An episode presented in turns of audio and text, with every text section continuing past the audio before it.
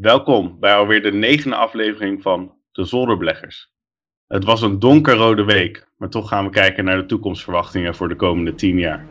Ook gaan we het hebben over de jaarresultaten van Zoom en hebben we de allereerste gast bij ons. Welkom bij De Zolderbeleggers.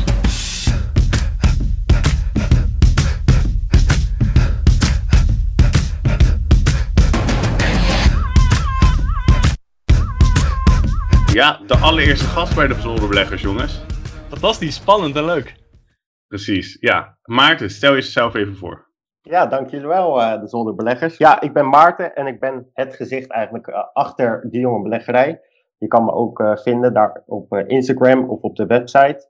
En ja, ik vind het heel leuk dat ik deze aflevering mee mag doen. Ja, heel leuk dat je er bent. We vinden het fantastisch dat jij uh, ja, de eer hebt om onze eerste gast te zijn bij de Zolderbeleggers. Uh, nou, ik denk dat we elkaar ook wel wat langer volgen via Insta en natuurlijk op uh, je website ja, ja. van dejongebeleggerij.nl. Om het nog even gelijk aan het begin genoemd te hebben. maar ja, onze vaste structuur van de podcast, die verandert niet. Want ja, de gasten die weten natuurlijk wat we van, van ons kunnen verwachten. Dus we gaan het vandaag hebben gewoon weer over het macro-economische nieuws, over de individuele aandelen en over onze persoonlijke portfolio's. Dus Jelle, wil jij uh, aftrappen? Ja, want misschien is het uh, handig dat ik een keer begin, want er is genoeg gebeurd. En dan kan jij daarna verder oppakken, Jan. Um, ik wil het allereerst hebben over de olieprijs. Um, ik volg het natuurlijk uh, altijd best wel erg, omdat een flinke positie van mijn portfolio ook in Shell zit. En je zag dat de olieprijs flink is gestegen, zelfs 4% op donderdag, nadat de OPEC Plus vergadering eigenlijk uitliep op een consensus dat ze inderdaad de olieproductie, ehm, ja, de oliepompen, gewoon lekker laag blijven houden. Zorgen ervoor dat er uh, niet heel veel aanbod is, waardoor de prijs omhoog gaat. En eigenlijk uh, konden ze elkaar weer heel snel vinden, wat uh, mooi is. Vroeger was het wel anders bij de OPEC, maar sinds de coronacrisis hebben ze het eigenlijk wel met elkaar gevonden. En het staat nu bijna zelfs een West Texas Intermediate staat bijna op 69 dollar. En dat is echt flink. Dus um, je ziet eigenlijk dat ExxonMobil en Shell daar uh, flinke profijt aan hebben. Het andere macro-economische nieuws. Ja, want ik had een artikeltje deze week uh, ingestuurd. Um, dat is dat er weer een recessie aan zit te komen in de eurozone. En waarom ze daarna zitten te kijken. Uh, een van de belangrijkste indicatoren, een soort van voorloper om te kijken wat er gaat gebeuren, dat is de inkoopmanagersindex. En dan moet je even kijken van ja, als jij als een bedrijf dingen inkoopt, je kijkt natuurlijk, ja, waar kan ik winst maken? Dat is uh, ja, het bestaansrecht van een bedrijf. En als zij gewoon minder optimistisch zijn op de winst die ze kunnen boeken, kopen ze minder in. Um, en nou, dat is gewoon een belangrijke indicatie dat er misschien toch wat minder optimisme zit vanuit uh, de bedrijfskant. En daarmee had ik ook gelijk een uh, verwachting voorbij zien komen van zowel Vanguard als Credit Suisse. Over hoe equities, dus ja, aandelen even grof gezegd, en uh, bonds, dus obligaties, het gaan doen de komende tien jaar naar hun verwachtingen. En ja, dat is toch een klein beetje minder dan we misschien gewend zijn. Het is niet meer echt uh, de leuke 8, 9 procent van de afgelopen paar decennia. Maar uh, ja, het is toch best wel krap. Credit Suisse die heeft gezegd dat ze ongeveer 3 procent per jaar verwachten over equities, dus over aandelen, even in algemene zin.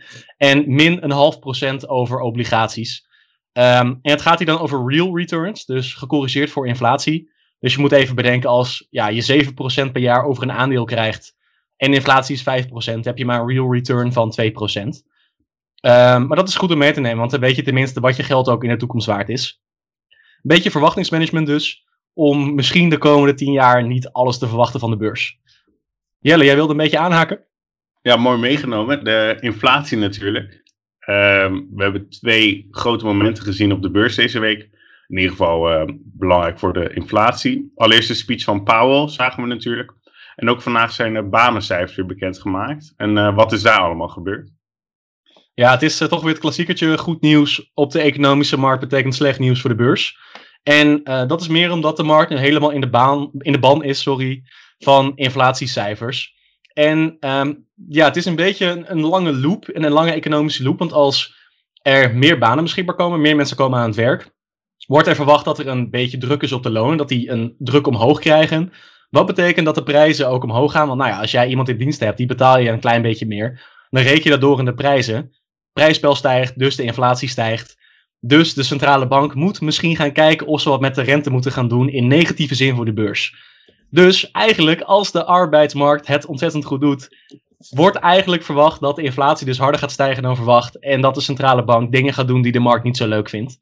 Ehm, ik moet eerlijk zeggen, als ehm, minder werkloosheid de reden is van de inflatie, dat dat echt helemaal niet zo'n super slecht nieuws is. En dat de inflatie op de lange termijn toch nog wel een druk omlaag heeft. Dus daar zit ik echt niet zo over te zweten. Ik zit meer te zweten over het feit dat we misschien een beetje het probleem hebben dat we gewoon een grondstof- en chiptekort hebben. Omdat het nu allemaal krakend en piepend op gang komt. En dat is inflatie onder verkeerde redenen. Dus het is nog een beetje afwachten waar nou die inflatie dan vandaan zou komen. En of die überhaupt komt. Het is nu vooral de angst voor inflatie. Nou, er is meer deflationaire druk, zeker in de eurozone, dan uh, angst voor inflatie. Dus dat is ook altijd goed om te benoemen. Um, dus dat is hoe ik er nu een beetje in sta. En je had het al even over chiptekort. En dan lijkt het me leuk als we naar onze gast gaan, Maarten. Die uh, ook met dat chiptekort misschien wat wil zeggen over NIO. Want die hebben aan het begin van deze week de jaarresultaten laten zien. Dus uh, take ja. it away, Maarten. Ja, klopt. NIO liet uh, afgelopen week een vierde kwartaalcijfers laten zien. En dus ook hun jaarcijfers. En de omzet is eigenlijk best wel gestegen naar 1,02 miljard dollar. En dat is iets meer dan de analisten voorspelden. Die voorspelden namelijk 1,01 miljard. Uh, in totaal leverde NIO in het vierde kwartaal 17.353 auto's. Maar dit leidde wel tot een nettoverlies van 14 dollar cent per aandeel. Wat wel positief is dat de bruto marge uh, is gestegen naar uh, 17,2%. In verhouding met min 8,9% van een jaar eerder. Dus eigenlijk maken ze nu in principe uh, winst met hun uh, auto's die ze produceren. Op zich mooi meegenomen als je winst maakt natuurlijk, als het nieuwe zijn. Hoe kijk jij in het algemeen naar NIO, Maarten? Want daar hoorde jij, uh, hoorden we van jou ook wel een sterke mening over voordat we aan deze podcast begonnen. Ja, klopt. Um, nou ja, ik heb ook wel een sterke mening over Tesla. Wat je ziet is dat NIO afgelopen jaar, of binnen een jaar, van 2 dollar naar 68 dollar is gekomen. Dat is een stijging van ruim 1700% in één jaar. En toch zie je dat NIO in drie maanden slechts 17.000 auto's produceert. Als je dat bijvoorbeeld ver, vergelijkt met Volkswagen, die heeft een uh, beurswaarde van 104 miljard uh, euro of dollar. En die heeft afgelopen jaar maar liefst 9 miljoen auto's verkocht in coronatijd. Dus daarom zie je toch wel het verschil dat ik denk dat NIO en ook wel Tesla best wel overhyped is en nu ook overgewaardeerd is. Ja, ze worden flink afgestraft, ook deze week natuurlijk. En je zag dat de Outlook maandag, um, ja, dat William Lee, natuurlijk de CEO van NIO, die was er niet helemaal positief over. En dat kwam ook door de chiptekort, wat Jan al even kort aanbracht. En daar heeft Tesla ook last van. Dat hebben we vorige week volgens mij even behandeld, dat ze ook de fabrieken moesten sluiten. Dus uh, dat is geen goed nieuws. En wat vind jij daarvan, Julian, als uh, Prevent Neo stockholder? Uh, heel vervelend, heel vervelend. Ja. Maar ik denk, Jelle, jij zit ook in Neo, toch? Klopt, ja. Dus jij, jij hebt ook het allemaal... ik heb ook de rode dagen gezien, ja. En je hebt meerdere keren gezegd, Nio onder 50, tijd om bij te kopen. Nio onder 40, tijd om bij te kopen. En nu gaat hij zelfs naar onder 30, misschien. Ja, gewoon heel vervelend wel gewoon heel gek dat hij uh, eerst 68 dollar per aandeel was en dat het nu gewoon 34 is. En dat gewoon in anderhalf maand tijd. Ja, je ziet nu ook vooral dat bij techbedrijven, uh, ja, die hebben natuurlijk hele hoge verwachtingen. En wanneer ze de kwartaalcijfers iets wat tegenvallen, dat dat gelijk wordt afgestraft. Dus ook een daling van 25% in een week voor NIO. Dat is best wel uh, ja, bizar, vind ik. Pittig, inderdaad. Ja, ja. Laten we dan naar Zoom gaan een echte winnaar van de corona natuurlijk. Ja, want uh, nou ja, wij zitten hier dan nu via Skype toevallig. Volgens mij valt Skype onder Microsoft, of niet? Als ik ja, het goed klopt, heb. Ja. ja. nou ja. Nou, de grote concurrent van uh, Microsoft, niet alleen van Microsoft Teams en dan uh, ook Skype, is natuurlijk Zoom. En nou ja, ik denk dat niemand van Zoom gehoord heeft in 2019 op een paar ambiguë mensen na. maar die hebben natuurlijk een fantastisch jaar gehad. Ze hebben het vierde kwartaal laten zien. En daar hebben ze meer dan 369% jaar over jaar aan uh, omzetgroei geboekt. En dat is gewoon echt natuurlijk fantastisch. Dat is echt een enorme groei. Um, en het interessante is, want mensen zaten vooral te kijken van ja, is die groei eigenlijk dus wel duurzaam? Van, kunnen ze dat volhouden? maar ja, ze hebben ook weer in het vierde kwartaal laten zien dat er nog steeds wel een klein beetje groei in zat. En dat is natuurlijk gewoon fantastisch. Hun marges breiden uit en ze hebben nog steeds een positieve cashflow van 400 miljoen. En dat is denk ik ook wel belangrijk om naar te kijken. Want zeker als die rente dus een beetje oploopt. En dat je dus niet te veel winst in de toekomst wil inprijzen in je aandeel. Dat zij nog steeds laten zien dat ze een vrije cashflow hebben van bijna 400 miljoen. Uh, dus dat is gewoon fantastisch nieuws. Um, en volgens mij hebben ze ook even een kleine indicatie gegeven voor uh, eh, 2021. En dat is dus dat ze uh, groot willen gaan opschalen. En dat ze dus ook echt willen gaan kijken van... Hey, hoe gaat het leven na de pandemie eruit zien? En hoe speelt Zoom daar een rol in?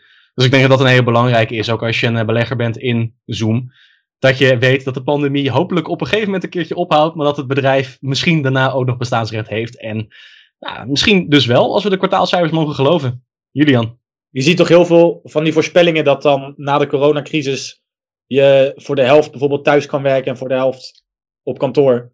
Dus dan is er voor Zoom ook nog wel een rol weggelegd in de post-corona wereld.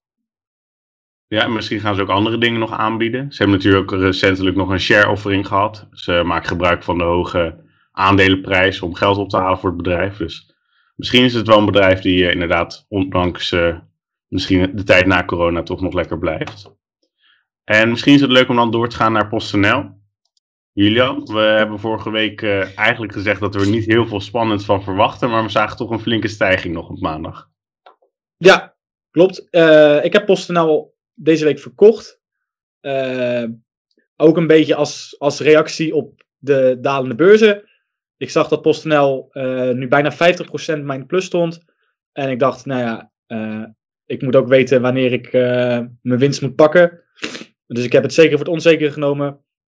PostNL was trouwens mijn eerste aandeel die ik ooit gekocht heb. Dus het is wel een klein beetje een kind waarvan je, waarvan je afscheid neemt. Afscheid neemt. Ja. Nee, die heb, die ik toen in, in oktober of in september toen voor echt 30 euro maar gekocht. En die heb ik alleen maar gewoon vier maanden naar gekeken wat die, wat die deed. Uh, in januari kwamen er al cijfers uit van, van PostNL. Voorlopige cijfers waren dat. Uh, maar in uh, eh, 2020 hebben ze een recordaantal van 337 miljoen pakketten bezorgd. Op piekdagen hadden ze er 1,7 miljoen. Waaronder ook uh, heel veel wenskaarten en ja, losse post. Mensen zijn natuurlijk ook door de coronacrisis heel veel kaarten naar elkaar gaan sturen. Um, in het vierde kwartaal liep het bedrijf uh, storm. En uh, de omzet van PostNL steeg met 14,5% met 3,3 miljard euro.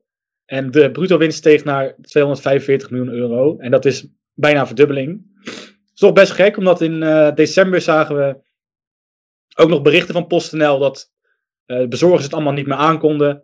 Maar dat is dus gewoon allemaal goed nieuws gebleken. Want het gaat heel goed met PostNL. En uh, ja, er zijn nog wel mensen die uh, een groei van het bedrijf verwachten. Dus. Ja, dat is denk ik wel interessant. PostNL had natuurlijk, uh, als je echt puur kijkt naar wat heeft PostNL altijd in het verleden gedaan. En dat was gewoon het bezorgen van post. Echt gewoon de meest simpele shit, om het even zo te zeggen. En dat was echt op zijn retour. Ja, mensen e-mailen nu, weet je. het gaat niet meer allemaal via brieven. Dat was echt elk jaar keihard aan het dalen. En uh, ja, toen kwam 2020. En dat is gewoon het jaar geweest van de e-commerce. Gewoon mensen bestelden gewoon finaal online. Want nou, de fysieke winkel was sowieso dicht. Of vonden mensen gewoon onveilig om heen te gaan. Um, ja, ik moet eerlijk zeggen, PostNL die zou een hele mooie positie kunnen krijgen in gewoon ja, de e-commerce economie van misschien het komende decennium. Um, het is alleen wel de vraag of ze wel die mode hebben, of ze wel voldoende de concurrentie voor kunnen blijven.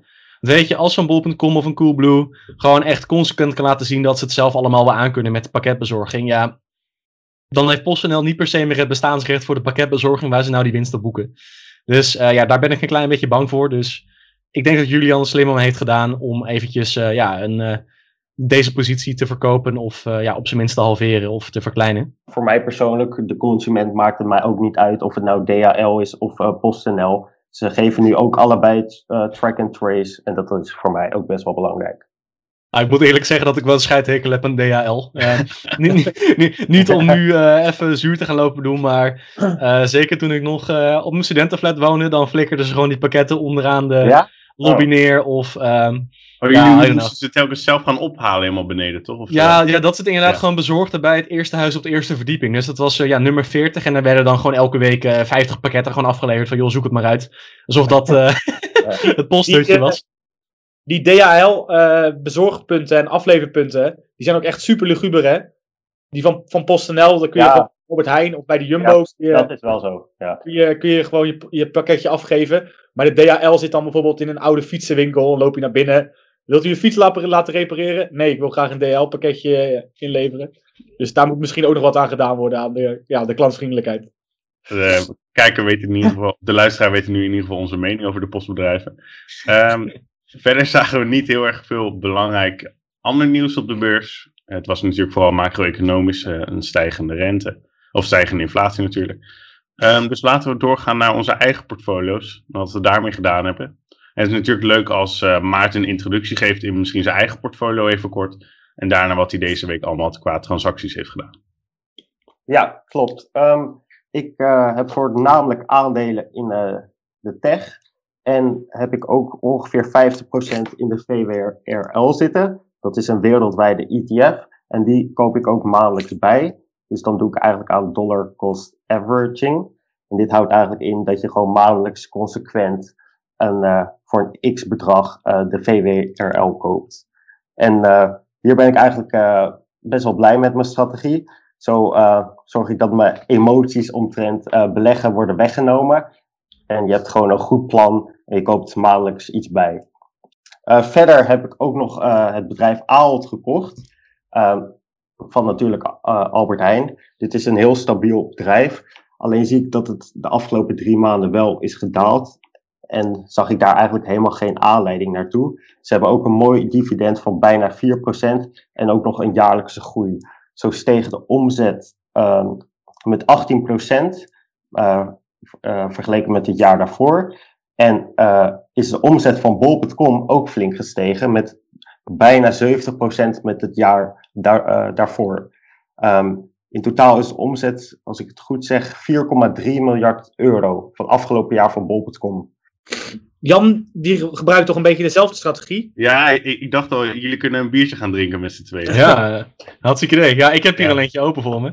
Nee, Ja. ik vind het heel goed om te horen dat eh, VWRL eventjes voorbij mag komen door iemand anders hier op de podcast. Echt fantastisch om te horen. Ja. Want eh, ja, jij zit denk ik ook bij eh, de Giro, de Giro, hoe je het, eh, hoe je het wil noemen. En dan zit VWRL natuurlijk in de kernselectie, dus dan heb je eenmaal per maand geen transactiekosten. Ja, klopt. Ja. Ehm, want hoe ben je daar een beetje bij gekomen? Waarom zit jij, waarom is- ziet jouw portfolio eruit, hoe die eruit ziet, om het even zo te zeggen? Ehm, nou, ik heb eigenlijk voornamelijk best wel veel boeken gelezen. En die gaven eigenlijk allemaal aan van, ja, je kan de markt niet verslaan. Je hebt 50% winnaars en dus 50% verliezers. Dus eigenlijk, het idee was dan dat ik gewoon met de markt meega. Dus vandaar dat ik in de VWRL zit. En natuurlijk ook in de techsector, omdat dat nu, ondanks de rode cijfers, nog wel echt de booming is. En ik zie daar ook nog wel een grote stijging in. Ja, dat is denk ik Ja. een hele leuke die je noemt ook over dan het, eh, het indexbeleggen, gewoon de markt niet verslaan. Ik moet dan gelijk denken aan de oprichter van Vanguard, eh, nou, waar VWRL dan ook vandaan komt. Ehm, die kwam met de filosofie om niet de naald in de hooiberg te zoeken, want eh, ja, maar een paar procent van de aandelen op de gehele aandelenmarkt, die zijn verantwoordelijk voor de stijging in de beurs. Nou, zoek die er maar eens uit als zoeken naar een naald in een hooiberg. Ja, ja. En John Bogle die zei, zoek niet naar je naald, maar koop gewoon de hele hooiberg. En eh, ja, dat vind ik dus wel een hele mooie om dan even te noemen. ja, zo denk ik er dus ook over. Ja. Ja, mooi. Laten we dan naar de transacties van Julian gaan, want die heeft ook genoeg gedaan. Ja, voor mij is het eh, deze week eh, ja, ook een rode week geweest. Maar ik heb wel eindelijk wat eh, gedaan op de beurzen. Eh, dus Kijk, na vijf afleveringen kan ik toch eh, zeggen dat ik actief ben geweest. Ik zie het nog niet per se terug in, eh, in winst, maar ik heb PostNL verkocht, zoals ik net al gezegd heb, met 40% winst. Ik heb Synergis Tech verkocht, dan eindelijk, hè, met 50% winst. Had 100 kunnen zijn, eh, maar ik vertrouwde het bedrijf toch niet zo, eh, zo erg meer. Ehm, en verder, eh, voor de rest heb ik een, voor mijn eerste ETF gekocht Smart City en Infrastructures. Dus daar ben ik best blij mee. Die zet in op eh, de digitalisering van de stad. Ehm, dat zie je nu heel veel eh, terug in Nederland. En ook in India zijn ze er ook al heel erg mee bezig. Eh, zo proberen ze de stad te optimaliseren door allemaal eh, ja, eh, ja, kijken waar het licht uit kan, kijken waar het licht aan moet. Ja, bijvoorbeeld. Ja, dat doen ze. Eh, en daar kun je dus heel veel winst mee behalen. Eh, ook bijvoorbeeld met eh, OV-netwerken. dus ja, er zit heel veel toekomst in. En daar ben ik wel blij mee. Ja? Ja, welke bedrijven zitten daar precies in? het zijn er echt 500. Maar het, je kan denken aan bijvoorbeeld ook T-Mobile, Vodafone. Oh ja. ja. Zei Jelle nou ook nog dat, dat Tesla het was of zo? ja, ja het is heel veel ook 5G en data natuurlijk. Ja. Ja. Um, ja, verder heb ik NIO bijgekocht op 45. Dus ik voel me best wel een lulletje nu, want die staat nu op 33. Ik heb uh, en ongeveer voor 600 euro een Apple bijgekocht. Dus uh, ja, best wel een, uh, ja, een, een, een, drukke week voor me geweest. Ja, ik, ik zit nu ook eventjes met de iShare Smart City Infrastructure UCITS ETF voor mijn neus. Um, en als ik er even naar kijk, naar de top 10 holdings, ja, het zijn bijna allemaal IT-bedrijven die wat te maken hebben met de uitrol van 5G en andere sensoring. Maar ook bijvoorbeeld, ja, het is smart city en infrastructure. Uh, dan moet je ook denken aan gewoon bedrijven die in de materialen zitten in de industrie. Um, dus op die manier is het best wel een gespreide ETF, die, nou ja, volgens mij voor toch ook wel, even kijken, geregistreerde locaties. Oh, nee, dat is de verkeerde. Um, ook dus nog wel voor een vrij groot deel in de VS zitten. En dat is eigenlijk best wel een goed iets, want Biden die gaat ontzettend veel investeren in infrastructuur. Nou, dat is natuurlijk, vorige week hebben we het even over gehad, dat 1,9 biljoen dollar um, ja, door de uh, Amerikaanse Senaat heen is. En dat er dus ongelooflijk veel geld naar infrastructuur gaat. En nou, dat zijn dus vooral de bedrijven die ook hierin zitten. En zoals Julian al zei, dit is wel gewoon iets wat in de toekomst een grote rol gaat spelen. Moet je natuurlijk niet voor elke prijs kopen, maar volgens mij is deze ETF nog niet eens zo super duur als je kijkt naar de prijs-earnings. Uh, ja, 23,6. Het valt ontzettend mee. Uh, dus ik denk, als jij gelooft dat de steden van de toekomst wellicht uh, ja, slimmer gaan worden. dus dat er veel meer sensoring plaats gaat vinden. Als je gelooft in 5G, zulke dingetjes. Uh, niet in de complotzin, maar in de toekomstzin. Dan is dit misschien een heel leuk ETF om naar te kijken. Ja. Maar ik heb deze ook vooral gekocht vanuit mijn werk. Want ik heb, ik heb vorig jaar meegeholpen aan een boek over smart cities. Dus Ehm, en dan zie je dus dat ze in Nederland heel veel experimenten hebben al met uh, ja, smart cities. En dat gaat in de komende jaren gaat het alleen maar meer worden. En ze zijn nu ook geloof ik iets van een Europese smart city deal aan het voorbereiden. Dus voor de komende tien jaar ja, is dat wel gewoon toekomst. En jij Jelle? Ja, netjes. Ja, ik heb eigenlijk een hele saaie week gehad. Um, het is wel leuk om te benoemen dat ik op um, zondag Bitcoin heb bijgekocht. En dat was op een mooie dip als ik nu even terugkijk. Want ik had toen rond de 36.600 euro um, Bitcoin gekocht. En ik ging even naar de graph kijken. En de, ja, het laagste punt was eigenlijk 37.000 wat ik kon vinden, zeg maar, day by day. Dus uiteindelijk is dat een mooie aankoopprijs geweest. En je ziet nu dat Bitcoin is uh, gestegen in dollar naar 47 1429. Dus ik heb daar al een klein beetje rendement op. En verder is het eigenlijk heel rustig in mijn portfolio. Ik merk dat ik heel erg blij ben met een positie als Shell.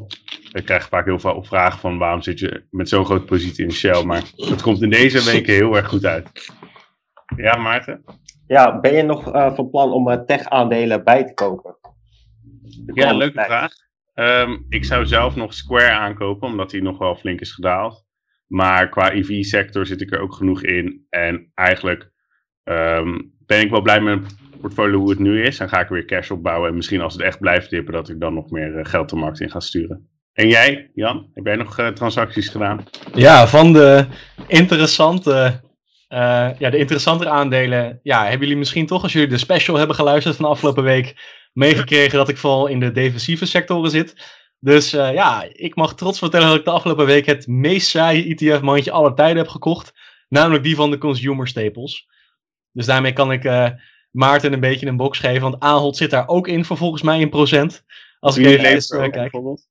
Ja, Unilever zit ja. erin. Nee, je moet echt denken aan de... ja, hoe heet die? Nestle, Ahold. echt een beetje... Cola, de, de, de, de ja, precies. Coca-Cola, Pepsi. Het is echt gewoon wat je in de supermarkt ziet staan op de schappen dat komt allemaal uit de consumer staples eigenlijk. Um, Nou, dat is echt historisch gezien een super defensieve sector. En daar gaat de vraag gewoon niet aan dalen. Weet je, de economie kan op zijn kop staan. En iedereen heeft nog steeds gewoon zijn tandpasta en zijn blikje cola nodig. Dus nee, ik heb daar wel veel vertrouwen in. Zeker ook omdat hij niet super duur is. Qua price earnings. En ja, inmiddels weten jullie het wel. Ik vind de markt allemaal nu best wel een beetje duur geprijsd. Ik ben daar een beetje de, de beer in. Maar daarom heb ik nu, denk ik, voor mijzelf een fijn gevoel bij deze aankoop. Dat is niet mijn enige aankoop geweest. Um, ik heb ook gekeken naar de small cap value aandelen. En dat is voornamelijk gebaseerd op een uh, andere podcast en YouTuber die misschien bij sommigen bekend is, van Ben Felix. Uh, moet je maar even opzoeken op YouTube. Hij heeft super interessante video's. En die heeft ook een podcast, Rational Reminder. Uh, super leerzaam, wel relatief lange afleveringen, van vaak iets langer dan een uur. Dus nou, ga even lekker een rondje wandelen. Valt nu toch weinig anders te doen. Zet het even lekker op. En hij is ervan overtuigd, ja, is uh, zelf portfolio manager, heeft iets lang doorgestudeerd om vervolgens aan uh, ja, 20-jarigen uit te leggen wat je allemaal moet doen op de beurs. Maar hij is helemaal overtuigd van de small cap value aandelen. Zijn redelijk volatiel. het is juist helemaal geen defensieve sector. Normaal gesproken zou je dat wel denken bij value aandelen. Maar small cap value die schiet alle kanten op. Maar op de lange termijn verslaat de beurs met meerdere procentpunten. dus daar, wil ik ook op de lange termijn eigenlijk wel 30 tot 40 procent van mijn gehele portfolio in hebben zitten. En elk jaar ga ik dus eventjes VWRL herverdelen naar wat ik fijn vind qua portfolio. En daar gaat zeker 30 tot 40 procent small cap value in zitten. Wat zijn daar de tickers van? ZPRV voor de USA small cap value en ZPRX voor de Europe small cap value. Uh, kijk er eventjes naar en kijk dus vooral ik ook nog eventjes naar Ben Felix en de Rational Reminder podcast. En ja, dat was het voor mij van deze week aan transacties. Ja, dan kunnen we denk ik door naar uh, de vooruitblik op aankomende week. Uh, Jelle, ik neem hem even van jou over, want normaal oh. zeg jij dit. Ja. Maar aankomende week is een hele bijzondere week. Oké, okay, waarom? Uh, oh, ik dacht dat je wel zou weten waar ik het over zou hebben. Een algemene aandeelhoudersvergadering van Snowworld. Ja, ja nee, daarom, daarom heb ik hem erbij gezet. Ja, ja. Op vrijdag, ja, ik zie hem staan. Fantastisch. Ja. Wordt een belangrijke vergadering. Uh, eerst leek het me leuk om ook nog even aan Maarten te vragen of hij nog tips voor de luisteraars had of iets uh, wilde meegeven. Ja, uh, probeer gewoon eigenlijk niet de markt te verslaan. Mijn tip is gewoon investeer in ETF's, vooral als je wat jonger bent en nog niet zo ervaren bent. En naarmate je iets meer kennis hebt opgedaan, kan je ook investeren in individuele aandelen en daar analyses over doen. Dankjewel, ik denk een hele goede tip. Heb je ook nog tips voor iedereen die uh, al zijn aandelen door de grond zien gaan? Ja, denk uh, long term, hè.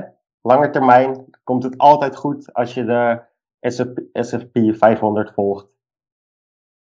En nu is eigenlijk een mooi moment om bij te kopen. Je moet het dus- zien dat, een, uh, dat nu eigenlijk de aandelenbeurs, de aandelenmarkt, gewoon in de korting is. Dus gebruik de dips en inderdaad blijf gewoon in die ETF's. Ja. En dat klinkt als een hele goede tactiek. En dan gaan we nu echt naar de belangrijke dingen, onder andere Snow World natuurlijk. Um, maandag 8 maart zie je eigenlijk de earnings van NIO. Dus niet NIO, maar NIO. Dat is de Chinese scooter, elektrische scootermaker. Uh, en ook Xpeng, laat ook de jaarresultaten zien.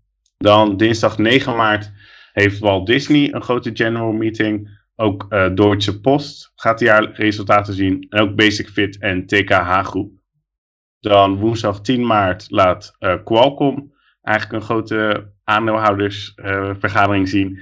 Maar ook de jaarresultaten van Just Eat Takeaway. En ook ABN AMRO komt met het jaarresultaat. Dan donderdag kijken we natuurlijk uit naar de werkloosheidscijfers uit de VS. En ook zien we de jaarresultaten van DocuSign en Rolls-Royce naar buiten komen. En dan inderdaad vrijdag 12 maart natuurlijk het belangrijkste moment in de week. Uh, Snow World met de algemene aandeelhoudersvergadering. Uh, Beter Bed met het jaarresultaat. En ook Flow Traders met het jaarresultaat. Ja, Jan? Als je dit mooie lijstje zo ziet, Maarten, waar kijk jij het meest naar uit komende week? Nou, om eerlijk te zijn, natuurlijk die vrijdag 12 maart Snow World. Ja, ja, ja, ja, algemene aandeelhoudersvergadering. Ja. En uh, verder natuurlijk, uh, ja, ik heb uh, stage gelopen bij Basic Fit. Dus ik kijk ook zeker uit naar het jaarresultaat van Basic Fit. Ja, een basic fit staat redelijk hoog uh, nu op Ja. de beurs. Ik vind het zelf ontzettend interessant, omdat ze echt al maanden dicht zijn, geloof ik. Dus Ja. ja, ja hoe, hoe kijk jij daarnaar? Ja, ik vind ze zelf ook eh, behoorlijk hoog staan. En eh, ja, er zijn natuurlijk wel redelijk wat vooruitzichten. Maar eh, nu met het kabinet eh, weet je het nooit. Ehm, zelf heb ik Basic Fit eh, gekocht eh, afgelopen april op eh, 16 euro. En eh, verkocht op eh, 32 euro, omdat ik ook vond dat ze erg hoog staan. En eh, ja, ze hebben nu natuurlijk al ruim, ik denk drie maanden, twee maanden amper omzet gedraaid. Ja, zo denk ik er ook over. Julian? Jij, jij zei dat eh Xpeng eh, met jaarresultaten komt. Ja. Hoe kijken jullie daarnaar? Want kun je niet misschien ook bij eh NIO zeggen dat die een klein beetje het voorbeeld van Xpeng volgen? Want Xpeng st- stond ook eerst op 75 en die staat nu op, ook op 30. Nee, je, je ziet vooral dat de hele sector gewoon samenloopt bijna. Dus als de ene automaker, eh elektrische automaker zegt, ja, er zijn een tekort aan chips. Als Tesla dat zegt, dan geldt dat ook voor NIO en Xpeng inderdaad. Dus als Xpeng nog een keer dat gaat herhalen, dan kan het nog wel zijn dat die hele EV-sector eh, elkaar naar beneden trekt, denk ik. Hoe denk jij daarover, Jan? Ja, ik moet eerlijk zeggen, ik denk dat EV, electrical vehicles dus, dat daar heel veel toekomst in zit. Maar niet per se voor elke prijs. En ik wil dan toch even het voorbeeld noemen van gewoon ja, de dotcom-bubbel van 1999, 2000. Daar waren fantastische bedrijven. Ik bedoel, Amazon, Microsoft, Apple waren toen ook allemaal beursgenoteerd. Maar die braken allemaal pas echt een paar jaar na de financiële crisis. Dus ergens rond 2010, 2012 ongeveer, medio die jaren. Zou je pas break-even gaan als je in 2000 gekocht had. Dus ondanks dat je denkt dat er ontzettend veel toekomst in zit. Waarbij ik denk dat electric vehicles echt de toekomst zijn. Misschien niet voor elke prijs. Eh, dat gezegd hebben, ja, als je horizon lang genoeg is. Maarten is weer erbij. Ik vind dat ook fantastisch. Ehm, ja, misschien moet je daar toch wel maar gewoon een leuke positie in houden. En blijf met je emotionele fikken van de verkoopknop af als je me in het rood ziet staan. Ehm, ja, dat is denk ik mijn boodschap eh, ja, voor de rode cijfers van de afgelopen weken. Kijk, en ik denk dat dat een mooi, eh, ja, mooi gezegd is van Jan om eh, de podcast mee te eindigen voor deze week. Ik wil allereerst natuurlijk Maarten bedanken. Volg hem vooral op De Jonge Beleggerij of www.dejongebeleggerij.nl. Kijk ook vooral naar Jans website janvanrijmag.com. Volg ons op Beleggen met Ome Duo. En eh, dan zie ik jullie allemaal volgende week weer. Tot volgende week! Yo.